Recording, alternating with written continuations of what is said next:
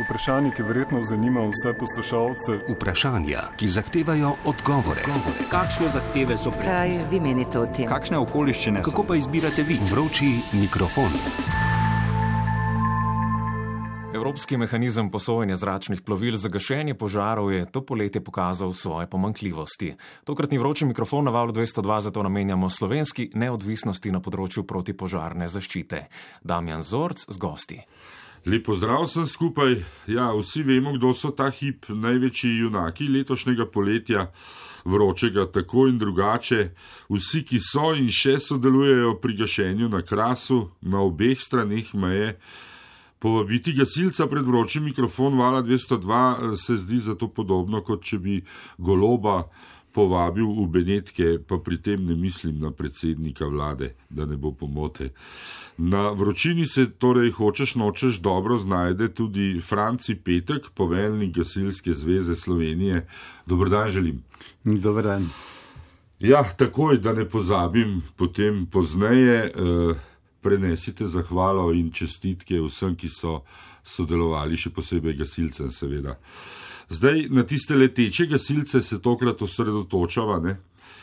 Odkrito ste priznali v teh dneh, da brez njih na krasu ne bi šlo tako, kot je šlo, ne bi se razpletlo tako, kot se je razpletlo, ali bi trajalo dlje, ali pa bolj katastrofalno, še hujšimi posledicami. Ja, res je.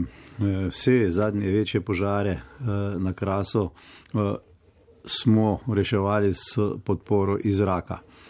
Tako zelo veseli smo, da nam pri tem vedno priskoči na pomoč slovenska vojska. Zdaj v zadnjem obdobju je tudi policija ukrepila, bom rekel, tole zračno floto, tako da je na tem požaru sodelovala tudi policija in pa ne samo policija, tudi veliko mednarodne pomoči smo imeli iz zraka. Tako da Sosedov, sosedov in celo Romunov, ne, kot tako, smo slišali na koncu. Izpostavljen je tudi mehanizem evropske pomoči, tako da so se lahko države tudi prijavile in ponudile pomoč. Mi smo jo seveda tudi sprejeli.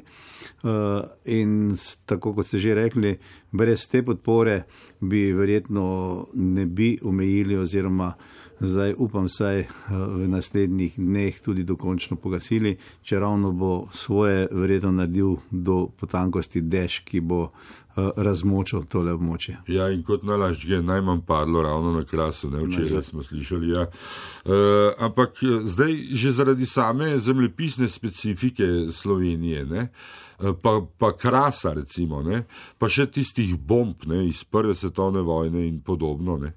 Uh, to je pač teren, kjer praktično kopenski gasilec sploh ne more z vso svojo močjo napasti ognja. Uh, res je. Zaradi vseh teh stvari, ki ste jih našteli, je stvar še nedostopna ne, in težko prije zraven.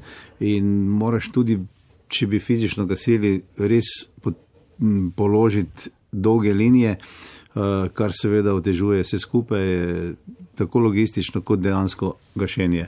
Zato v zadnjem času, moram reči, resno, vedno računamo in tudi imamo podporo uh, naših domačih zračnih sil, ki so se pa v tem primeru pokazale, da so pre, premalo uh, močne, premalo lahko zagotavljajo te požarne vode za gašenje tako velikih požarov. Ker konec koncev nimajo posebej prirejenih letal za gašenje. Ne?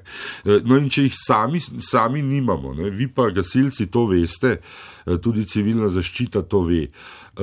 Zakaj recimo v vseh teh letih ste se gotovo kaj pogovarjali, kdaj bo, kako bo, vedno se naslanjati na tuje sile, ne? se vemo, če je pri njih v redu, ni problema potem s solidarnostjo, ne? ampak če pri njih gori, potem ne bo nič. Ne?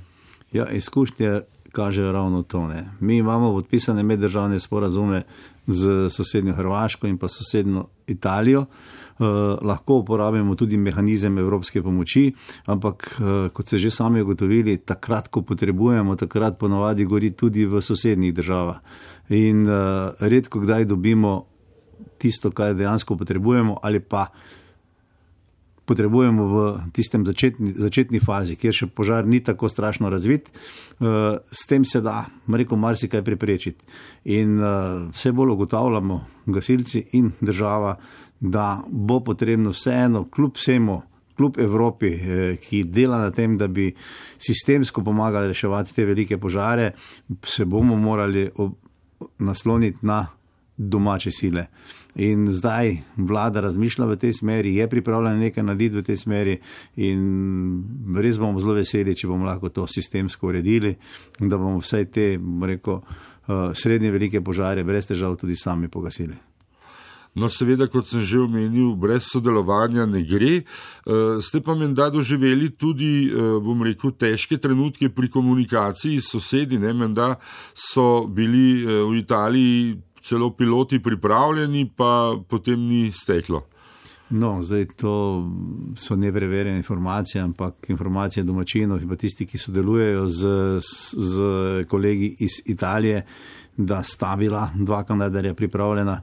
Eh, za gašenje, vendar niso dobili uh, poziva, ampak z naše strani uh, smo zaprosili. Uh, ampak odgovor je bil, da nažalost nimajo razpoložljivih sil. Ker je gorelo v rezi, v beleči, ne, pred trstom. Ja, zdaj le pozdravljamo na eni družbi tudi Darka Buta, direktorja uprave za zaščito in reševanje. Dobr dan, gospod But. Dobr dan in pozdravljeni. Ja, smo vas eh, zmotili med sestankom, ampak uh, vem, da ni vse tako enostavno, kot lahko beremo na družabnih omrežjih, ne tudi kar zadeva zračno gašenje, ampak nekje sem zasledil, da se vi bolj nagibate v Sloveniji k helikopterskemu gašenju kot k letalom, uh, čeprav smo se zdaj prepričali, da potrebujemo oboje. Ja, ne, se, če bi se mogoče lahko tudi uh, malček obrnil na mehanizem civilne zaščite. Namreč eh, mehanizem civilne zaščite se krepi.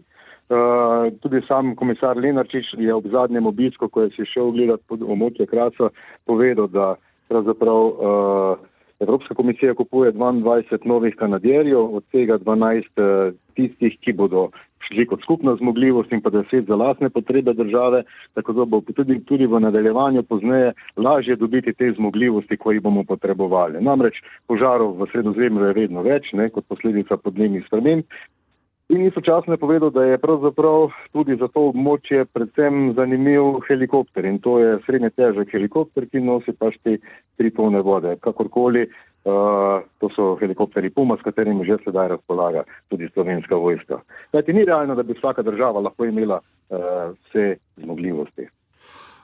No, jaz sem slišal sicer, da helikopteri so bolj prevažali kubik in pol vode, ne tri. Uh, ja, kajti ti so bel helikopteri slovenske vojske, ki prevažajo manjšo količino, ampak ta večji helikopter Puma pa lahko prevaža večjo količino vode. Pa smo res uh, tu povsem, uh, bom rekel, odvisni od uh, mnenja Evrope, bom rekel, ali bi lahko tudi kaj na svojo pest storili, recimo, če bi se sami dogovorili uh, zaradi mene z vojsko, civilno zaščito, gasilci.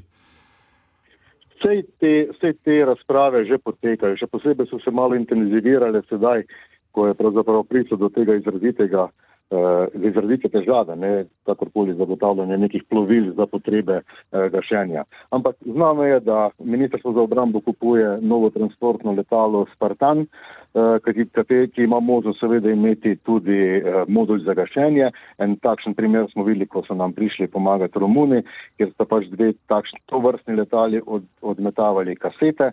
Ma pa tudi možnost uh, zgradnje rezervarja. In uh, Prav tako se odvijajo že strokovne razprave glede uporabe ali pa nabave air traktorjev in pa helikopterjev za potrebe gašenja.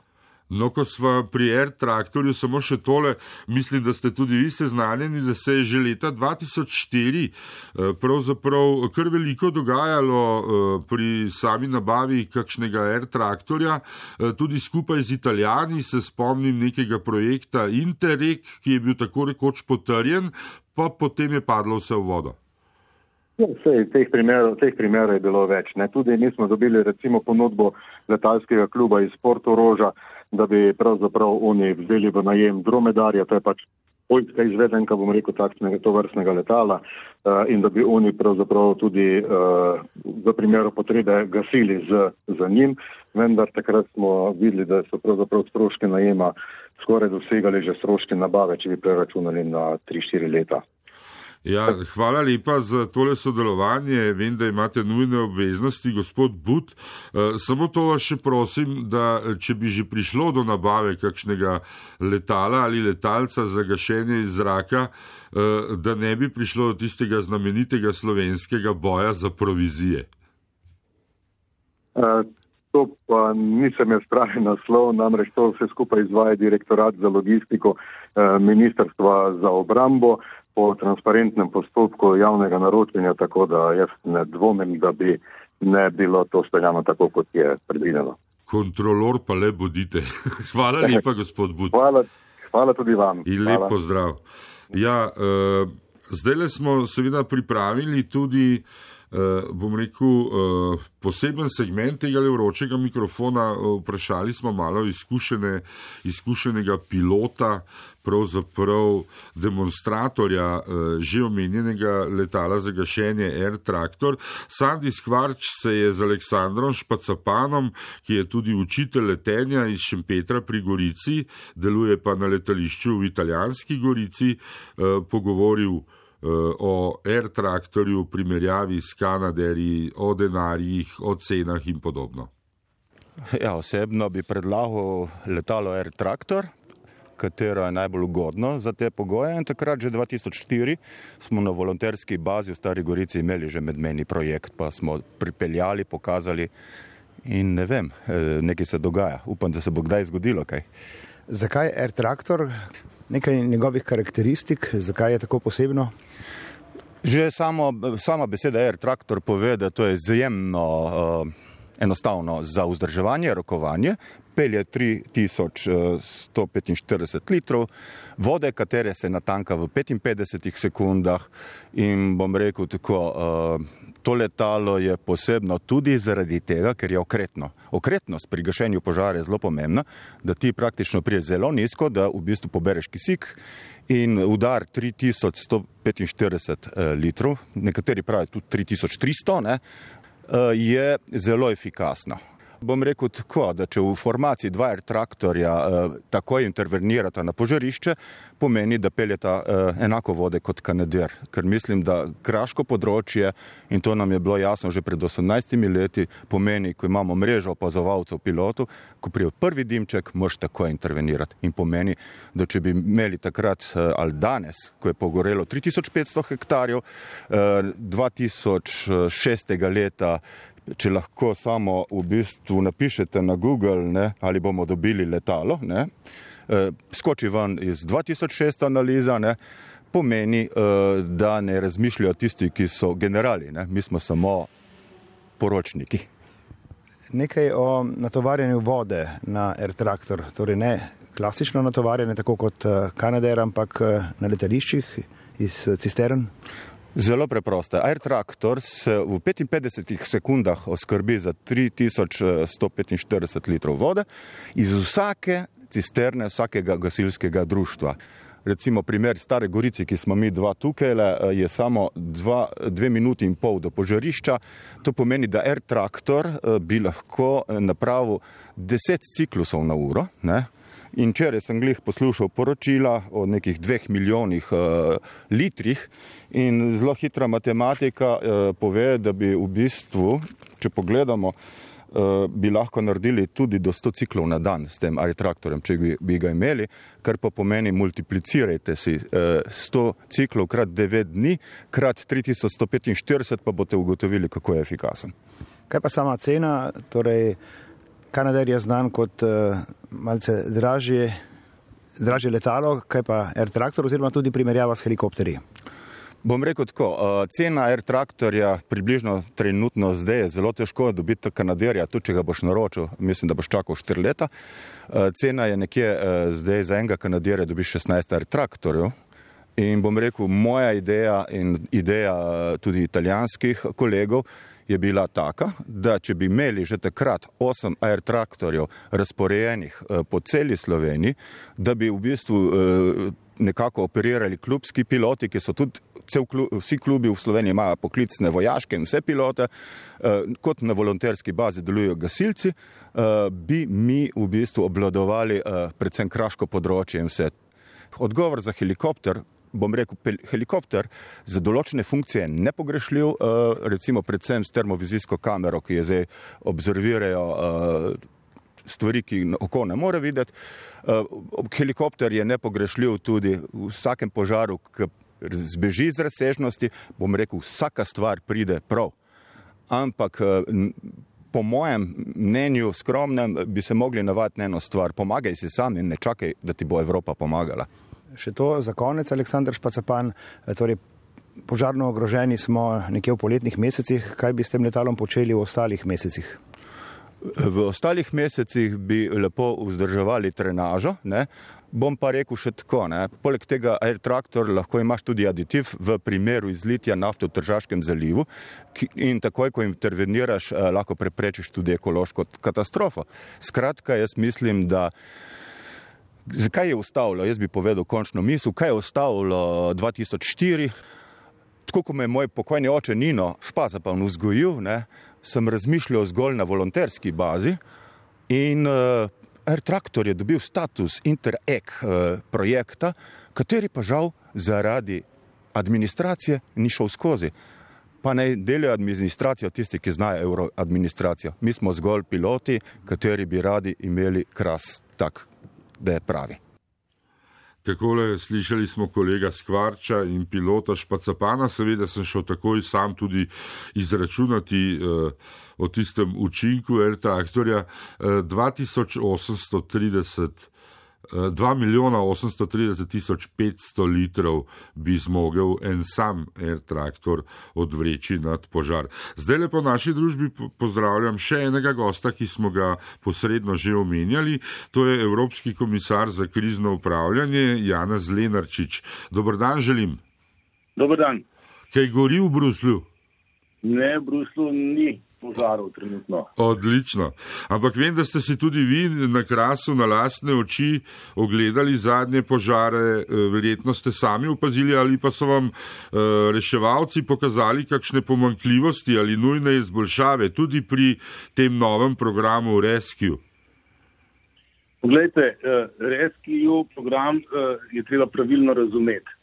Evropski sistem civilne zaščite ne financira nacionalnih zmogljivosti za nacionalne potrebe. To je odgovornost vsake države članice same, da zagotovi vse, kar potrebuje, da se sooča z uh, nesrečami, kot so požari in podobno. Kar mi počnemo v okviru Evropskega mehanizma civilne zaščite, vključno z njegovo nadgradno, ki se ji reče RESCU, mi koordiniramo in financiramo medsebojno pomoč, ki jo države članice nudijo ena drugi ali tretjim državam, ki koli po svetu. Pravi, da uh, tisto, kar mi počnemo, ne kupujemo mi uh, letal ali helikopterjev državam članicam za njihove lastne potrebe. To je odgovornost vsake države članice. Ja, razumem. Razumem, ampak sofinancirate pa tudi same intervence, ne, potem, ko se vse skupaj Tako vrže. No. Je. Mi spodbujamo pomoč, medsebojno pomoč med državami na več načinov, eh, zelo aktivno, kada država zaprosi za pomoč, se aktivno, eh, se aktivno lotimo iskanja držav, ki bi lahko pomagale in eh, koordiniramo to pomoč in uh, tudi sofinanciramo stroške te pomoči, se pravi pomoč drugim. To je mehanizem Evropske unije na področju civilne zaščite. No, ampak jaz sem si ogledal tudi malo geografsko, ne, kako je ta program postavljen. In vidimo, da, da sta tu recimo dve gasilski letali iz Hrvaške, dve iz Cipra, eno iz Francije, dve iz Grčije, dve iz Italije, dve iz Španije, pa dve uh, gasilski letali in šest gasilskih helikopterjev iz Švedske. Eh, kar pomeni, da je v bistvu sredozemlje daleč najbolj pokrito, eh, potem na severu zgoraj je pa samo še Švedska. Po kakšnem principu pa se to pravzaprav Evropa dogovarja, da neka država je zraven, neka ni? Ja, pogledajte, zelo preprosto. Mi lahko naredimo naj, največ toliko, koliko so pripravljene narediti države same. Mi vsako leto, v začetku leta, pozovemo vse zainteresirane države, da ponudijo svoje nacionalne zmogljivosti v RESCU.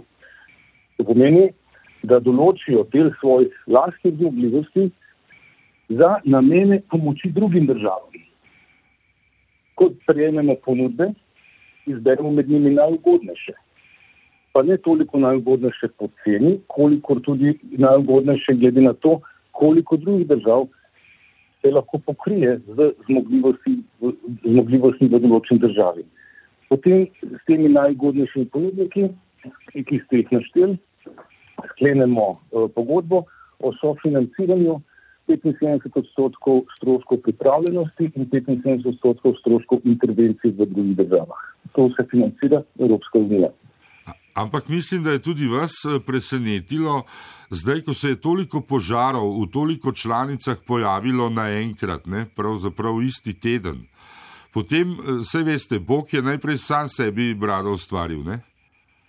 No, lepe, to ni ravno uh, objektivna ocena. Uh, Slovenija je zaprosila skozi naš sistem uh, civilne zaščite za pet helikopterjev in za štiri letala.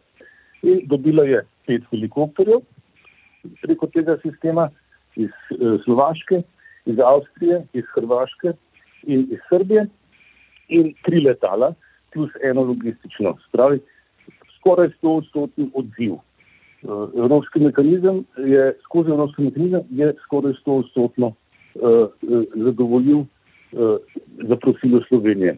In to v času, in to ste pravilno povedali, v času, ko gori, oziroma je gorelo in še gori, vse od Portugalske do Grčije in Turčije in celo, kot lahko snimate, na Češkem in Nemčiji. No, da ne bova eh, predolga, vam samo še eno konkretno stvar predočim. Recimo, če se Slovenija odloči in kupi dva Air traktorja, to je ena osmina približno cene Kanaderja. Eh, kaj bi se potem zgodilo v okviru programa Rescue? Glede, za program Rescue se mora najprej država zanimati in ponuditi svoje zmogljivosti. Svoj, te zmogljivosti mora torej že imeti. E, in, Za naslednje leto bomo ponovno objavili poziv, seveda Slovenija se tudi lahko prijavi na ta poziv, se odzove in ponudi svoje zmogljivosti, ki jih ima, katere ima. Eh, na to bomo mi to skupaj z državami članicami odločili, kateri ponudbe so najboljše in najbolj ustrezne za uh, pomoč drugim. Ponavljam pa, Slovenija mora sama se odločiti, katere zmogljivosti potrebuje za lastno rabo. In tukaj uh, velja med stroko neko soglasje, da so za države kot je Slovenija najprimernejši bodi si težji helikopteri, taki, ki lahko dvignejo najmanj 3000 litrov vode, eh, bodi si lažja gasilska letala kot je Air Tractor oziroma Fireboss. Eh, samo še to eh, v nasprotni smeri lahko tudi kaj pričakujemo, recimo, da bi vi, naši politiki, predlagali, da naj se vendarle kaj premakne. Zdajte, eh, pri nas se je zelo zdaj vnela razprava o tem, kako fajn bi bilo imeti Kanader. Kanaderja se ne da kupiti, trenutno za njim v proizvodnji, že desetletje tega letala ne proizvajajo. Mi smo vložili ogromne napore z potencijalnim dobaviteljem, da, da se je zavezal marca letos, da bo ponovno zagnal to proizvodno. In to je možno, če se želi, kdo želi imeti Kanader, se lahko priključi tej skupini držav, ki jo že imamo da, da, se, da, se, da, se, da si umislijo ta letala, ki pa, za katero bo potrebalo več let, preden bodo narejena. To bo malo serijska proizvodna, gre za zelo specifično letalo uh, in, in uh, če želi Slovenija hitre rešitve, se verjetno bolje iskati druge. Ni pa vendarle to niti edino letalo, ne, ki je možno gašenje iz zraka. Najlepše hvala, gospod Lenarčič, in lep pozdrav v Bruselj. Hvala tudi vam. Jaz pa bom samo še uh, Francija Petka, poveljnika Gasilske zveze Slovenije, vprašal, koliko pa vas kdo vpraša, kaj bi v bistvu, uh, kako bi gasilce upremili v prihodnje, kar zadeva zračno gašenje. So vas pa kaj vprašali že? Zdaj, uradno ne. Drugač pa se kar veliko pogovarjamo, uh, kaj bi bilo pravzaprav primerno, kaj bi bilo najbolj hitro in pa seveda predvsem učinkovito. Zdaj, glavna razlika ne samo v ceni med Kanaderji in eh, Air Tractor, recimo tudi v tem, da menda Air Tractor uh, je zelo, zelo okreten, ker je majhno letalce, uh, pa tistih 3000 uh, litrov vendarle zajame. Uh, lahko tudi celo iz sedmih metrov menda meče te, kot vi rečete, vodne bombe. Uh, se tudi vam zdi morda bolj primeren za Slovenijo ne, in njeno specifiko, uh, celo bolj primeren kot ta nedosegljivi, tako rekoč, Kanader? Ja, zdaj res razprave so v teku z različnih koncev, z različnih strokovnjakov, sključno z nami in uh, moram reči, da smo se kar poenotili da sta v bistvu te dve opciji najbolj realni, tudi, bom rekel, zelo hitro izvedljivi. Uh, to je ali helikopteri, ali air traktor, ali oboje. Uh, vsekakor se bomo morali v prihodnje zanašati na lasne sile, to je tudi zdaj povedal gospod komisar Lenačič. Uh, tako da vse tiste osnovne stvari, šele takrat, ko zadeva gre res preko roba, pa se prosi za pomoč iz sosednjih držav, kjer pa ugotavljamo, da bo na voljo kar nekaj kanaderjev, eh, ki bojo pa lahko prišli pomagati takrat, ko bo res eh, šlo preko roba. Ampak jaz si želim in upam, da bomo ostali bomo rekel, na teh srednje velikih požarih, ki nažalost so realnost in tudi glede na klimatske spremembe. Bodo verjetno tudi v prihodnje, tako da se moramo na njih pripraviti.